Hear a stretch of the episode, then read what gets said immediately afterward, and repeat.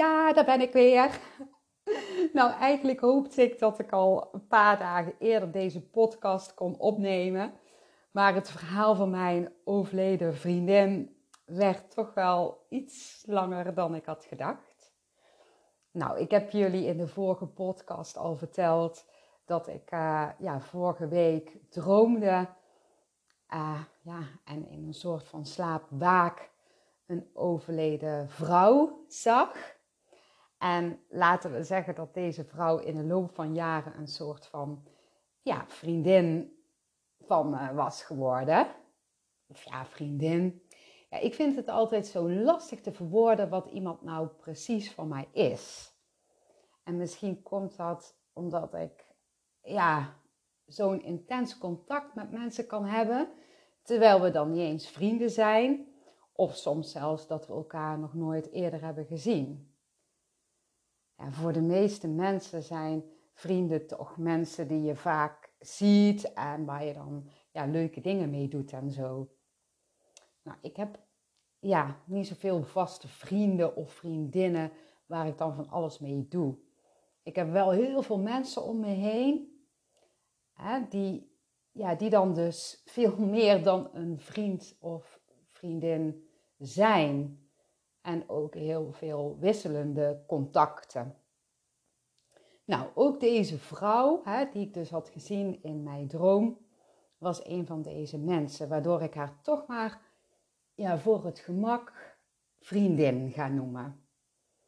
Ik heb namelijk het gevoel dat ze niet haar naam wil, uh, ja, dat, dat ze niet wil dat ik haar naam ga zeggen. Dat voelt in ieder geval heel sterk. En ik wil haar ook geen andere naam geven. Want dat vind ik dan weer ja, heel, ja, dat voelt weer heel ongemakkelijk.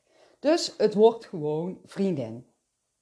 Nou, vriendin kwam me in mijn slaapwaakdroom nog even bedanken. Uh, ja, voor alles. Voor alles uh, ja, wat ik voor haar had gedaan. En ze liet me voelen uh, hoe goed het met haar ging. En haar energie was echt heel erg vrolijk en, en vrij. Echt zo, ja, zo mooi. En ik heb haar ja, nog nooit zo vrolijk en vrij gezien in het aardse leven. En via haar energie liet ze weten dat ze het dus fijn zou vinden als ik haar verhaal zou delen. En het grappige was dat ze al een paar weken regelmatig in mijn hoofd zo aan het rondspoken was. En ja, ik vroeg me af of dat ze het wel oké zou vinden als ik haar verhaal zou delen. Want ja, daar was ik eigenlijk wel van plan. Maar op een of andere manier ja, kwam het er gewoon niet van. Of was het misschien wel niet het juiste moment. Ja, dus dan, ja, ik dacht zoiets van, ik laat het gewoon weer even los. En ik had uh, zoiets van, nou, mocht ze het toch graag willen dat ik het uh, ja, ga delen, ja, dan zou ze vanzelf wel contact met me opnemen. Ja, zo, zo dacht ik en ja, zo voelde ik het waarschijnlijk ook. En oké, daar was ze dan gewoon midden in de nacht vorige week.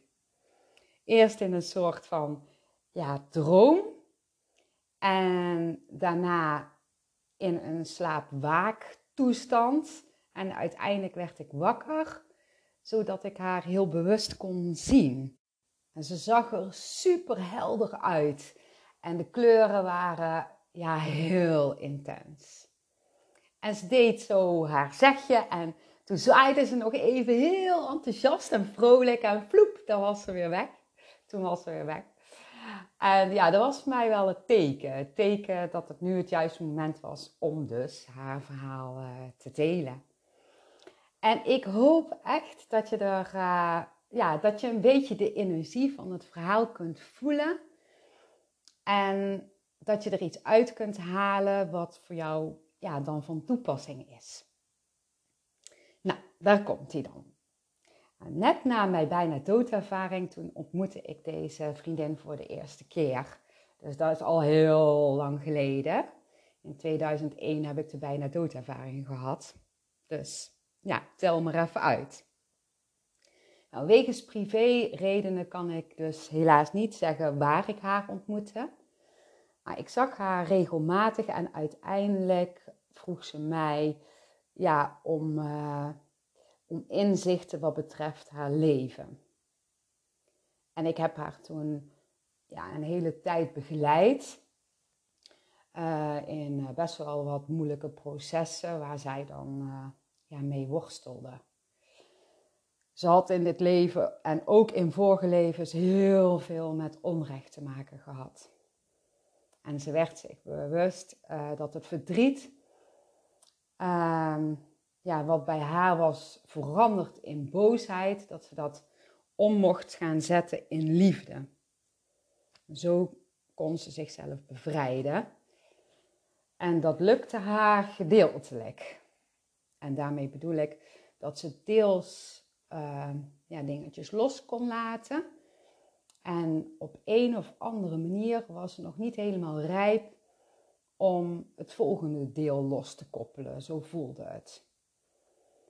En ja, toen raakten we elkaar ook op een gegeven moment uit het oog.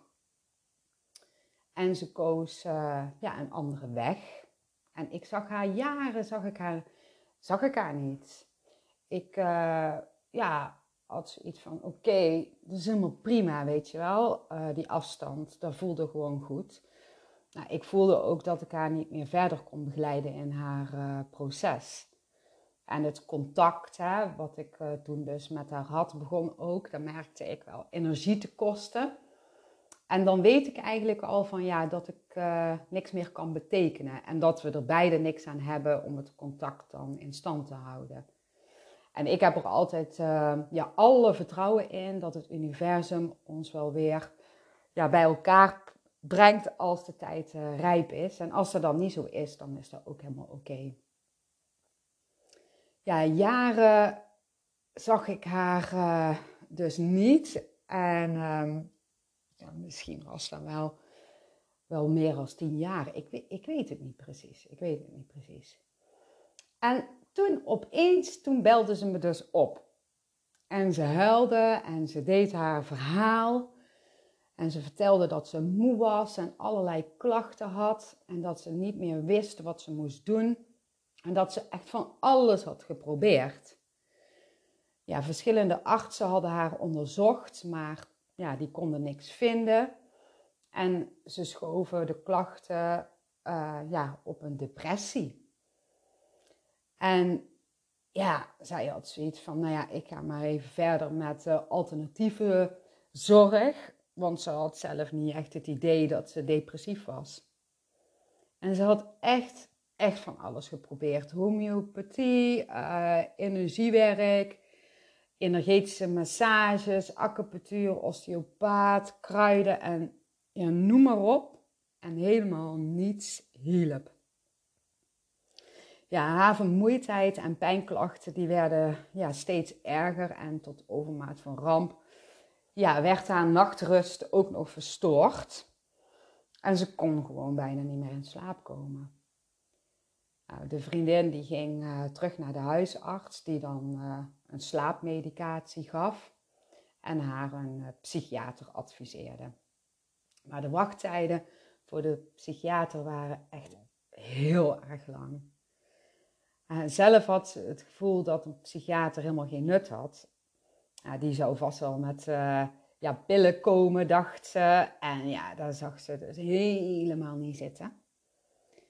En door heel dit gedoe ja, was ze gewoon helemaal verwacht geraakt. En ze zei: Wat moet ik nou doen? Ik weet het niet meer. En oh, hoewel ik normaal gesproken invoel zonder emotie, ja, voelde het gewoon echt hartverscheurend hoe ik haar aan de telefoon had. En uh, ja, wat ik ook voelde, en dat vond ik wel heel heftig, was dat ik voelde dat haar dood in aantocht was. En dat ze daar zelf nog niet bewust van was, alhoewel ze wel sprak over dat het leven op deze manier totaal geen zin meer voor haar had. Het voelde voor haar echt als overleven. En ja, ze sprak dus ook echt uit dat ze liever dood wilde. Nou, ik voelde in op haar energie. En ik zag ook, ja, dan via mijn derde oog, haar lichaam vormen. En haar energie was mistig. En de kleuren waren dof, grijs. En toen ik me op haar lichaam afstemde, toen zag ik over heel haar lichaam ja, grijze vlekken. En dat zijn van die vlekken die je met aardse ogen niet kunt zien. En daarmee voelde ik dus ook dat haar ziek zijn, ja, voor mijn gevoel dan niet echt duidelijk zou gaan worden. En ja, ze was echt ernstig ziek. En ze was aan het aftakelen. En de vraag was dus of ze ooit nog beter zou worden. En eigenlijk wist ik het antwoord. Ja, ik wist het antwoord gewoon al. Het antwoord was dat ik dus voelde dat ze niet beter zou worden. En dat zijn nou van die dingen die je dan niet zomaar eventjes kan benoemen of gewoon niet mag benoemen. Tenminste in mijn beleveniswereld. Want je weet nooit helemaal zeker eh, of dat het zo is. En daarbij had ik het gevoel ja, dat als ik dat uit zou spreken aan haar, dat het leven dan ja, nog verwarder zou worden. En ja, dat was blijkbaar volgens het universum dus niet de bedoeling. Ja, ze had dit proces nodig om bepaalde stukken in te lossen die met vorige levens te maken hadden. En dat klinkt misschien heel belachelijk. Ja, onverklaarbaar en niet wetenschappelijk. En ja, dat klopt. aards gezien is het onverklaarbaar waarom zoiets gebeurt. En totaal niet te bewijzen dat het om een inlossing uh, ja, gaat van vorige levens. En ik denk dat uh, ja, mensen die niet in vorige levens geloven mij nu uh, een beetje voor gek zouden kunnen verklaren. En dat snap ik, dat snap ik. Ja, ik heb al vaker gezegd in, ehm, in een podcast dat hoe ik de dingen zie of beleef misschien helemaal niet overeenkomen met wat jouw beleveniswereld is. En dat is natuurlijk ook helemaal prima. Hè? Ik zou zeggen, blijf bij jezelf en luister alleen verder als het goed voor je voelt. Of als je leuk, nieuwsgierig bent naar mijn beleveniswereld, dan zou ik zeggen, luister gewoon door. Ja, en ik hoop uh, natuurlijk dat je er op jouw manier dingen uit kunt halen. En ja, wat niet van toepassing is of waar je niks mee kan, dan kun je dan gewoon in een gevisualiseerde prullenbak gooien. Ik heb ook een tijd gehad dat ik niet in uh, vorige levens geloofde. Of beter gezegd, ja, ik was er niet bewust van. Want ja, in die tijd voelde ik diep, heel diep van binnenin wel dat er iets meer was. Maar ik wist gewoon totaal niet wat dat was. Dus ja, mijn punthoofd die geloofde er gewoon niet in. Maar na mijn bijna doodervaring werd uh, dus even alles anders. En kreeg ik situaties op mijn pad, ja, die ik dus verder heb onderzocht, waardoor uh, mijn onbewuste gevoel bewust werd. En de onzichtbare wereld een heel stuk zichtbaarder werd. Ja, mijn punthoofd, ja, die kreeg toen ja, bewijs. En uh, ja, daardoor kon ik niet anders dan erin te geloven. En misschien is het ook wel een keertje een goed idee om een podcast te maken over een vorige leven gebeurtenis, zodat je ja, kunt horen hoe zoiets dan gaat. Maar dat is dan uh, voor een andere keer. Ja, in het leven gebeuren zoveel dingen waarvan je niet weet hoe het zit. En als je alleen stilstaat bij dit leven, en de aardse wetenschap, blijf je toch, voor mijn gevoel, een beetje in een ja, onzichtbare onwetendheid. En ook daar is dus helemaal niks mis mee, hè? even voor de duidelijkheid. En er is ook helemaal geen oordeel. En soms is het gewoon niet mogelijk om inzichten te krijgen, omdat je er gewoon niet klaar voor bent. Net zoals ik er ooit ook niet klaar voor was. Ja, de aardse wetenschap trouwens, die vind die vind ik echt heel erg interessant. Ik lees daar graag over. En uh, ja, ik vind dat leuk uh, hoe de wetenschap dingen onderzoekt en zo. En weet je wat me ook heel interessant zou lijken? Uh, een soort van combinatie tussen de wetenschap en de onzichtbare wereld. En dan bedoel ik dus met de onzichtbare wereld, uh, ja, het energetische. Wat je dus niet ziet, maar wat je dus wel ja, kan voelen. En de een voelt dat dus dan wat bewuster als de ander. Nou, misschien dat de wetenschap en de onzichtbare wereld in de toekomst meer gaan samenwerken. Nou, we zullen het zien. We zullen het zien. Nou, voor mijn gevoel heeft het ook helemaal geen zin om mensen ja, bewust te maken, ja, als ze van bepaalde dingen dus nog niet bewust kunnen zijn. Ja. Nou, zoals ik het zie, is het voor sommige mensen nodig Ehm, ja, om in een bepaalde onwetendheid te blijven, om oude patronen te doorleven en om ze ja, onbewust te helen, die oude patronen of oude pijn. En uiteindelijk ja, kunnen ze het dan doorbreken. Ja, zodat ze er dus ineens bewuster naar kunnen kijken. Ja, en dan kun je ook bewuster kijken naar wie je werkelijk bent. En de ervaringen, uh, ja, de ervaring die ze dan daaruit opdoen, die kunnen ze dan weer meenemen naar volgende zielstoelen. Of, ja, wat het verhaal van mijn vriendin betreft, in een volgend leven.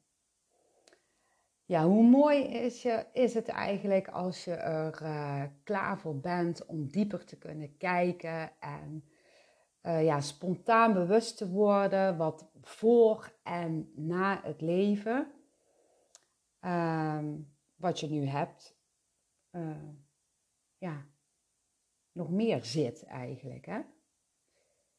Dus ja, dat gun ik eigenlijk iedereen ja, het is super gaaf om de onzichtbare wereld te voelen en te zien. En dat geeft zoveel rust. En daarbij kun je ja, veel gemakkelijker naar heftige situaties uh, ja, kijken en die dan accepteren. En je voelt dan ook veel meer vertrouwen. Zo, ik maak wel even een omweggetje, merk ik. Nou, we gaan weer eventjes terug naar het verhaal van mijn vriendin. Nou, mijn vriendin zat dus in een uh, pittig proces. En ja, de vraag was dus van, ja, hoe lang gaat dat nog allemaal duren? En zo te voelen zou het nog best wel een leidersweg worden, waardoor de dood haar pas echt zou bevrijden. Dus ja, ik kon haar dus niet vertellen ja, dat ik voelde dat ze dus dood zou gaan. Dus vertelde ik haar uh, dat ik voelde dat er lichamelijk echt iets aan de hand was. Uh, dat niet goed voelde. En eh, ja, ik, ik vertelde haar ook dat ik dus geen depressie bij haar voelde. Wel ja, machteloosheid en verwarring. En dat begreep ik natuurlijk wel in haar situatie. En uh, oh, ik had haar dus nog steeds aan de telefoon en ze zuchtte zo van, oh, ik ben eigenlijk wel opgelucht. Nou, ik dit zo hoor, zei ze. En ja, ik voel daar zelf ook, zei ze. Maar ja, ik word gewoon niet geloofd. En dan begin ik gewoon dus aan mezelf te twijfelen. En toen zei ze van, ja, iedereen denkt dat ik me aanstel. Maar ja, ik voel me echt gewoon heel erg moe en heel erg ziek. En toen begon ze weer uh, te huilen. Nou, ik kon me echt heel goed voorstellen dat als je zo ziek bent en als dan een ja, arts, meerdere artsen, dan niks concreets ja, kan vinden, dat dat natuurlijk wel heel frustrerend en machteloos is. En vooral als je dan ook nog het gevoel hebt ja, dat je dan niet helemaal geloofd wordt, Zo voelde het, zo, zo, zo voelde het voor haar. Ja, heel verwacht en uh, je punthoofddenken gaat dan dus in zo'n situatie met je aan de haal, waardoor dat je dus nog meer verwacht raakt. Nou, we spraken af dat ze terug zou gaan naar uh, de arts in het ziekenhuis voor een nieuw onderzoek om te kijken of dat, uh, ja, of dat ze haar ziekte toch nog op konden sporen. Maar eerst zou ze ja, naar de huisarts moeten om een doorverwijzing te krijgen. Alleen was dus de vraag of ze opnieuw zouden doorverwijzen en dat dus dan in werking zouden zetten. Nou, ik voelde, om eerlijk te zijn, dat ze niet echt mee zouden werken. En dat zou dus weer betekenen dat uh, mijn vriendin niet serieus genomen zou worden. Maar ja, ook dat stuk wilde haar ziel blijkbaar aangaan. Nou, ik vroeg, uh, ik vroeg aan mijn vriendin of ze misschien iemand had die haar ja, bij kon staan tijdens het gesprek met de huisarts. Zodat ze niet meteen uh, ja, afgewezen zou worden. En ja, misschien zou ze zich daar wat meer gesterkt door voelen. Nou, mijn vriendin die woonde alleen en ze had wel dierbaren om haar heen hoor. Maar die wilde ze eigenlijk helemaal niet belasten. Ze was niet zo goed in uh, hulp vragen en ook niet in ontvangen. En ja, daarom wilde ze niemand belasten. En dat niet willen belasten, um, daar had ze toch ook wel voor mijn gevoel dan systemisch meegekregen. Het was echt een oud patroon, wat ze maar een heel, heel, heel mini klein beetje had kunnen doorbreken. Maar nog, uh, ja, nog heel sterk was daar aanwezig. En zo sterk dat ze gewoon niet echt goed kon opkomen voor haarzelf. En ze had ja, hier al heel haar leven last van, van de oude patroon. En ik voelde dat ook vorige levens hiermee in verbinding stonden. En daarom had ze ook heel veel onrechtvaardig, uh, onrechtvaardige situaties op haar pad gehad. Ja, om te kunnen leren om voor haarzelf op te komen en grenzen te stellen en onvoorwaardelijk te kunnen gaan houden van haarzelf. En gedeeltelijk was ze hiervan wel bewust, alleen ja, het daadwerkelijk toepassen in haar leven, dat was gewoon echt heel erg moeilijk. Maar goed, ze zou proberen om uh, iemand mee te nemen naar de dokter. En ik wenste haar heel veel liefde en kracht. En we spraken af ja, dat ze me zou bellen als ze dan uh, ja, meer zou weten. Nou, een paar dagen later nam ze weer contact uh, met me op. En ze was samen met een van haar dierbaren naar de dokter geweest. En ja, de dokter, de huisarts, had gezegd dat ze dus eerst naar een psychiater moest voordat er uh, verder weer onderzoek verricht zou worden in het ziekenhuis. Ja, de dokter had gezegd dat ze ja, toch wel eens uh, depressief zou kunnen zijn. En uh, waarschijnlijk stond het woord depressief in de papieren die het ziekenhuis had verstuurd naar de arts. Naar, de, naar de huisarts bedoel ik dan. Ja, het voelde voor haar helemaal niet goed, maar ze kon gewoon niet anders. En het gekke was dat degene die mee was geweest uh, ja, naar het doktersbezoek hè, met haar, uh, dat, dat die op, op een of andere manier ja, de depressie als waarheid ging zien. De dokter had toch gesproken, dus dan moest er toch iets van waar zijn. En ook de andere dierbaren die dat dus hoorden, hè, rondom mijn vriendin, die begonnen te twijfelen of dat mijn vriendin ja, nou lichamelijke klachten had of was het dus dan toch een depressie.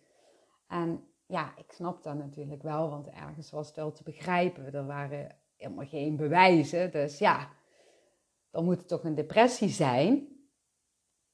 Hè? Ja, zou, zouden sommige mensen kunnen denken. Ik dacht dat niet hoor. Ik, ik voelde gewoon echt dat ze ziek was.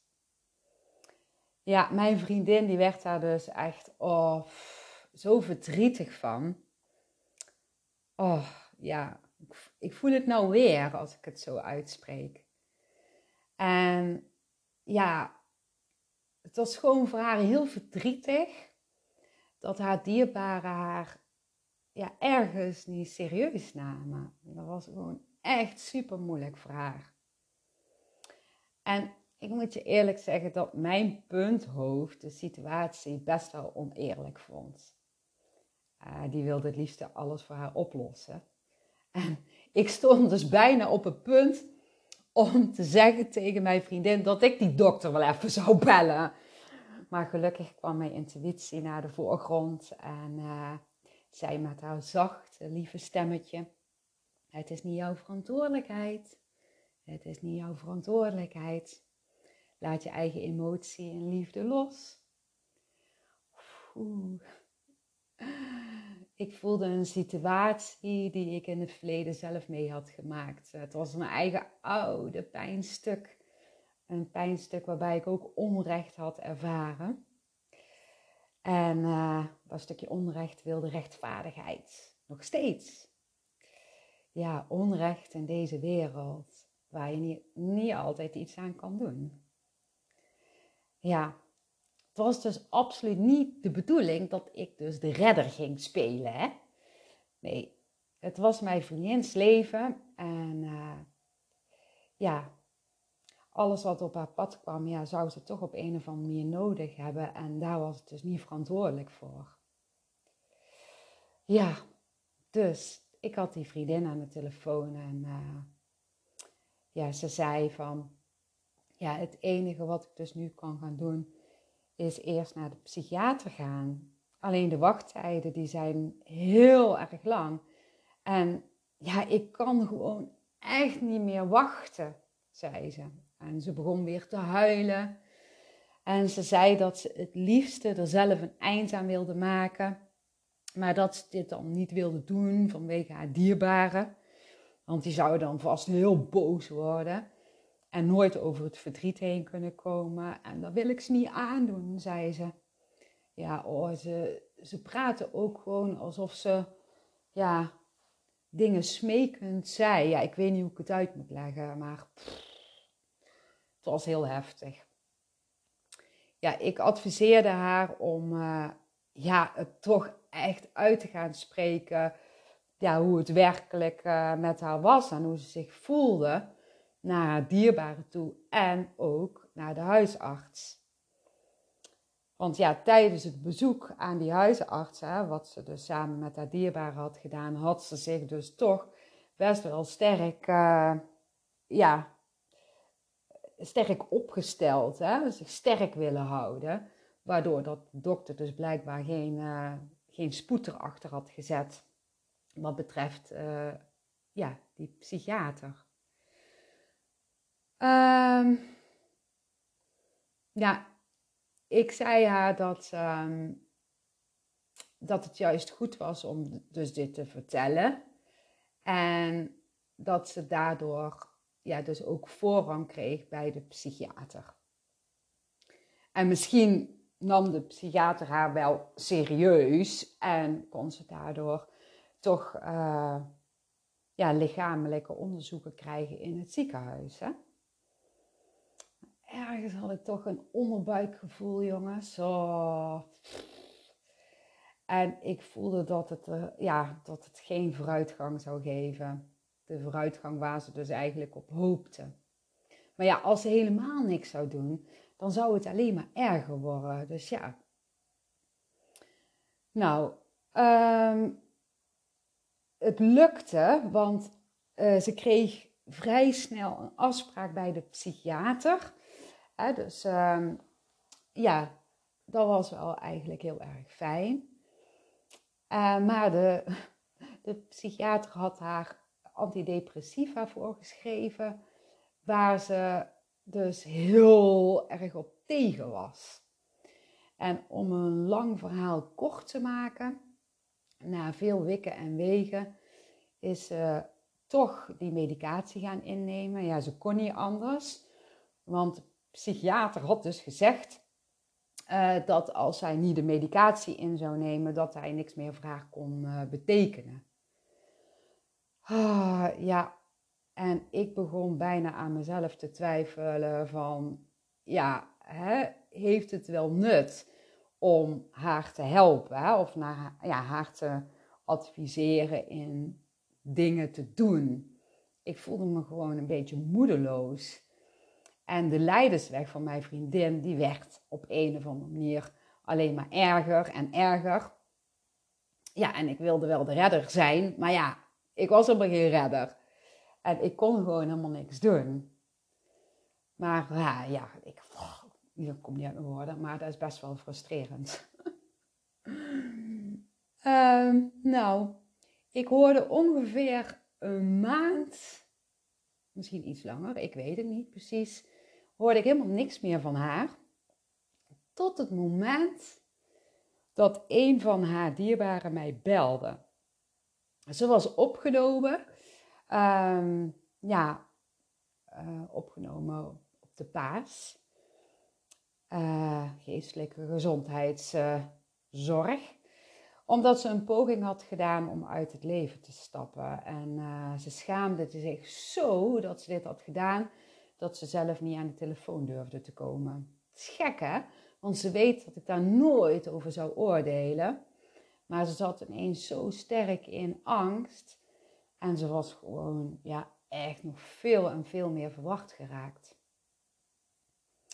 En ja, dit was een poging om uit het leven te stappen. Dus gelukkig, uh, ja, leefde ze nog. Um, ja, waarom had ze dit gedaan? uit onmacht. Hè? Omdat ze de strijd gewoon helemaal zat was. En de slaapmedicatie, die had ook nog steeds niet geholpen. En de antidepressiva, ja, had ze ingenomen. Maar ja, ze voelde zich helemaal niet goed bij. Het gaf haar een vlak, somber, angstig gevoel. Waardoor het gevoel van uit het leven stappen gewoon ja, heel erg sterk werd versterkt. En omdat ieder mens weer anders is en anders reageert op medicatie, word je normaal gesproken ja, daarin wel begeleid. Uh, zodat je de juiste medicatie krijgt en ook de juiste dosering.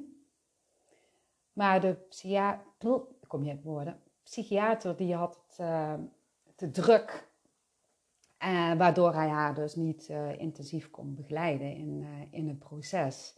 Raar hè? Maar dat was dus echt. Oh, nou, het voordeel van haar poging tot uitstappen was dat ze dus nu met spoed hulp kreeg. En dat ze daardoor zouden onderzoeken of ze ja, werkelijke geestelijke klachten had. Nou, een paar weken was ze opgenomen. En uh, uit, uh, ja, uit onderzoeken kwam dus dat ze niet depressief was. Ze had gewoon simpelweg uh, ja, een andere zorghulp nodig. Omdat ze in het dagelijks leven niet eens meer haarzelf kon verzorgen vanwege haar lichamelijke klachten en zo. Um, ja, kwamen ze erachter dat tijdens de opname, um, ja, tijdens de opname had ze wel die zorg gekregen. Hij werd heel erg voor haar gezorgd. Eten gemaakt en uh, ja, gewoon de uiterlijke verzorging en zo, gewassen en alles. En dat had haar gewoon goed gedaan, dus dat had ze nodig. Dus ze mocht naar huis en um, ja, eindelijk had ik haar um, heel erg vrolijk ineens aan de telefoon. Toen ze dus belde dat ze naar huis toe mocht. Nou, en werd ook uh, hulp ingeschakeld. En er zou een paar keer per dag een uh, verpleegkundige komen die haar dan hielp met, uh, ja, met haar verzorgen, wassen en ook eten maken en huishouden. En dat deed haar dus heel erg goed. En met sommige verpleegkundigen bouwden ze een hele gezellige band op. En ja, dat was gewoon fijn. Ja, dat was echt fijn.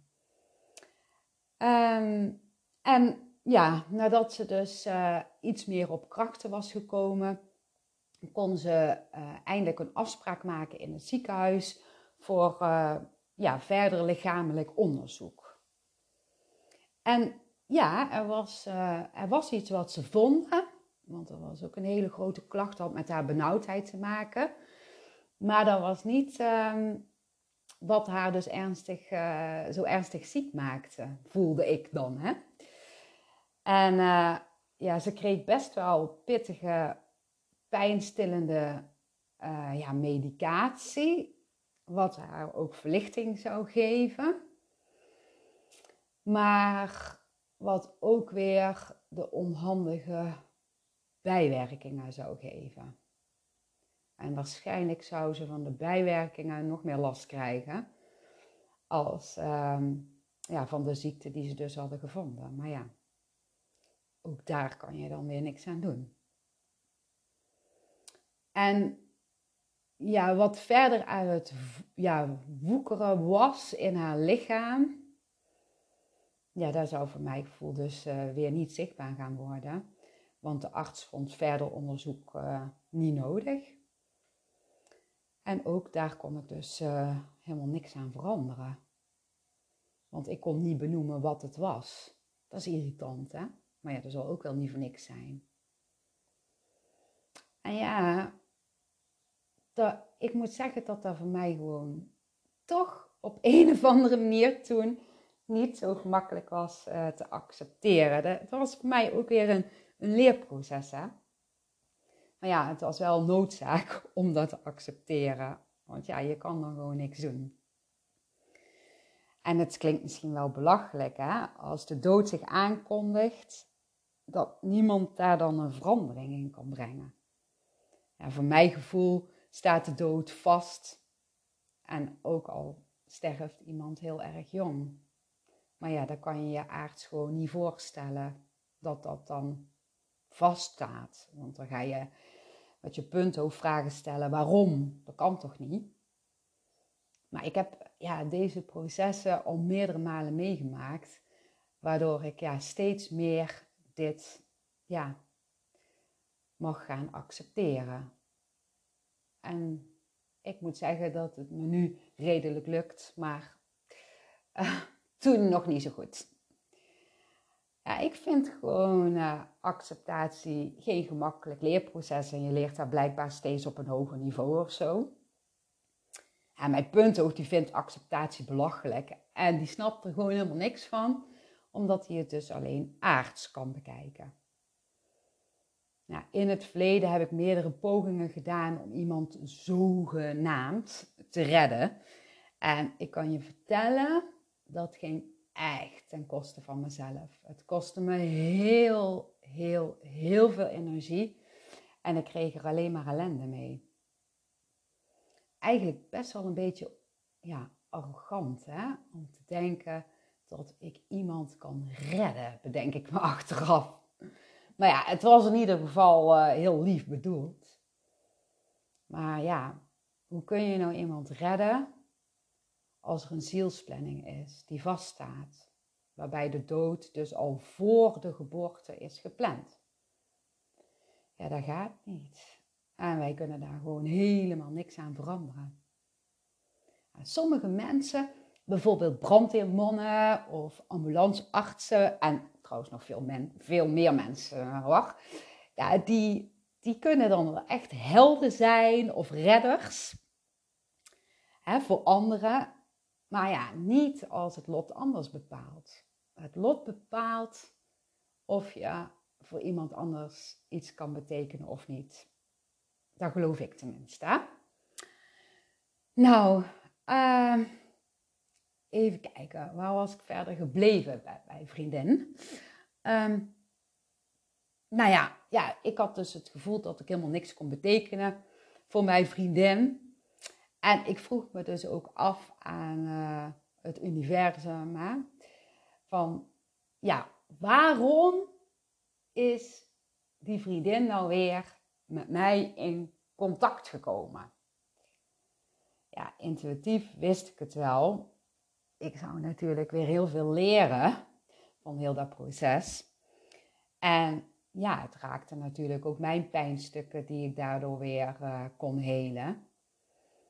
En ja, zonder dat ik het in de gaten had, betekende ik toch wel iets voor haar. En dit zag ik pas uh, achteraf in hoor. Nou ja, ik besloot om uh, mijn vriendin de eerstvolgende keer dat ze zou bellen, te vertellen dat ik uh, ja, dat dan heel graag voor haar wilde zijn, maar dat ik toch het gevoel had dat ik niet echt iets voor haar kon betekenen. Ik denk, ik wil toch wel even wat eerlijk zijn. En uh, toen zei ze tot mijn punt verbazing dat ze zoveel steun aan mij had. En dat ze het zo fijn vond om met mij dingen te kunnen bespreken. En uh, te kunnen vertellen wat ze voelde. En dat het haar zoveel rust gaf. Dat vond ik echt super fijn om te horen. En ik dacht, nou ja, oké. Als ik er op die manier voor haar kan zijn, dan doe ik dat natuurlijk met alle liefde. En ja, zo heb ik heel veel gesprekken met haar gehad. Echte luistergesprekken.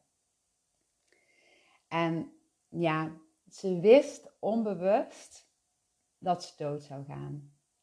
Terwijl ik hier niks van had gezegd. En toch voelde ze, ja, onbewust en misschien lichtelijk bewust dat ik het wist. Dat merkte ik gewoon aan haar. Alleen was het gewoon voor haar niet helemaal helder. Maar ik merkte er gewoon aan de manier waarop dat zij ja, dingen uitsprak. Nou, en zo ging de tijd voorbij. En uh, ja, haar pijn en vermoeidheid, die werden op een gegeven moment weer ja, versterkt. En uh, ja, toen was, het, toen was het gewoon eigenlijk niet meer uit te houden. En haar punthoofddenken, die kwam ja, daardoor weer heel sterk naar voren, waardoor dat ze zich weer steeds machtelozer ging voelen en steeds weer dacht aan uit het leven stappen. En ze zei: Ik ben niet bang voor de dood.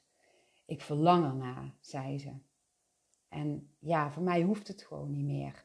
En weet je wat ze ook zei? Ik snap er gewoon niet. Dat sommige mensen doodgaan, hè, die dan niet dood willen en ik gewoon nog blijf leven. Dat voelt gewoon als een straf, zei ze. Ja, ik kon daar verder ook niet echt iets op zeggen. Maar ik voelde wel dat ze echt niet meer kon. Ze wilde gewoon niet meer. En ja, ze kon zichzelf gewoon helemaal niet verzorgen. En haar eetlust ging weg.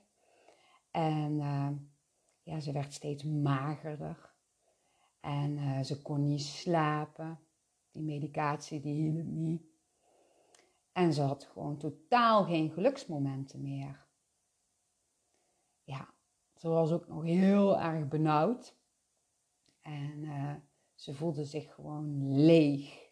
Ze had pijn, ze was dood en doodmoe. En ja, omdat ze haar dierbare niet nog een vreselijke poging wilde aandoen. Uh, om ja, dus uit het leven zelf te stappen, begon ze toch over euthanasie. En ja, ik adviseerde om het bespreekbaar te maken met haar dierbare en natuurlijk ook met uh, de dokter. Uh, maar ze ja, durfde dit niet echt te doen in eerste instantie, omdat ze bang was dat, ze, ja, dat mensen haar dat belachelijk vonden en haar weer af zouden wijzen. En toch, uiteindelijk nam ze heel dapper de stap en uh, ja, besprak dit met haar dierbare en dus ook de dokter. Nou, en de dokter die zei dat het niet mogelijk was in haar situatie. En de dokter die zei en adviseerde dus dat als ze echt dood zou willen, dat ze dan maar helemaal moest stoppen met eten en drinken. En ik dacht, what the fuck? Sorry voor mijn taalgebruik. Ik, hoe dan? Ja, je wil echt niet weten hoe intens verdrietig ik haar aan de telefoon had. Ja, ik kon gewoon helemaal niks doen. Helemaal niks.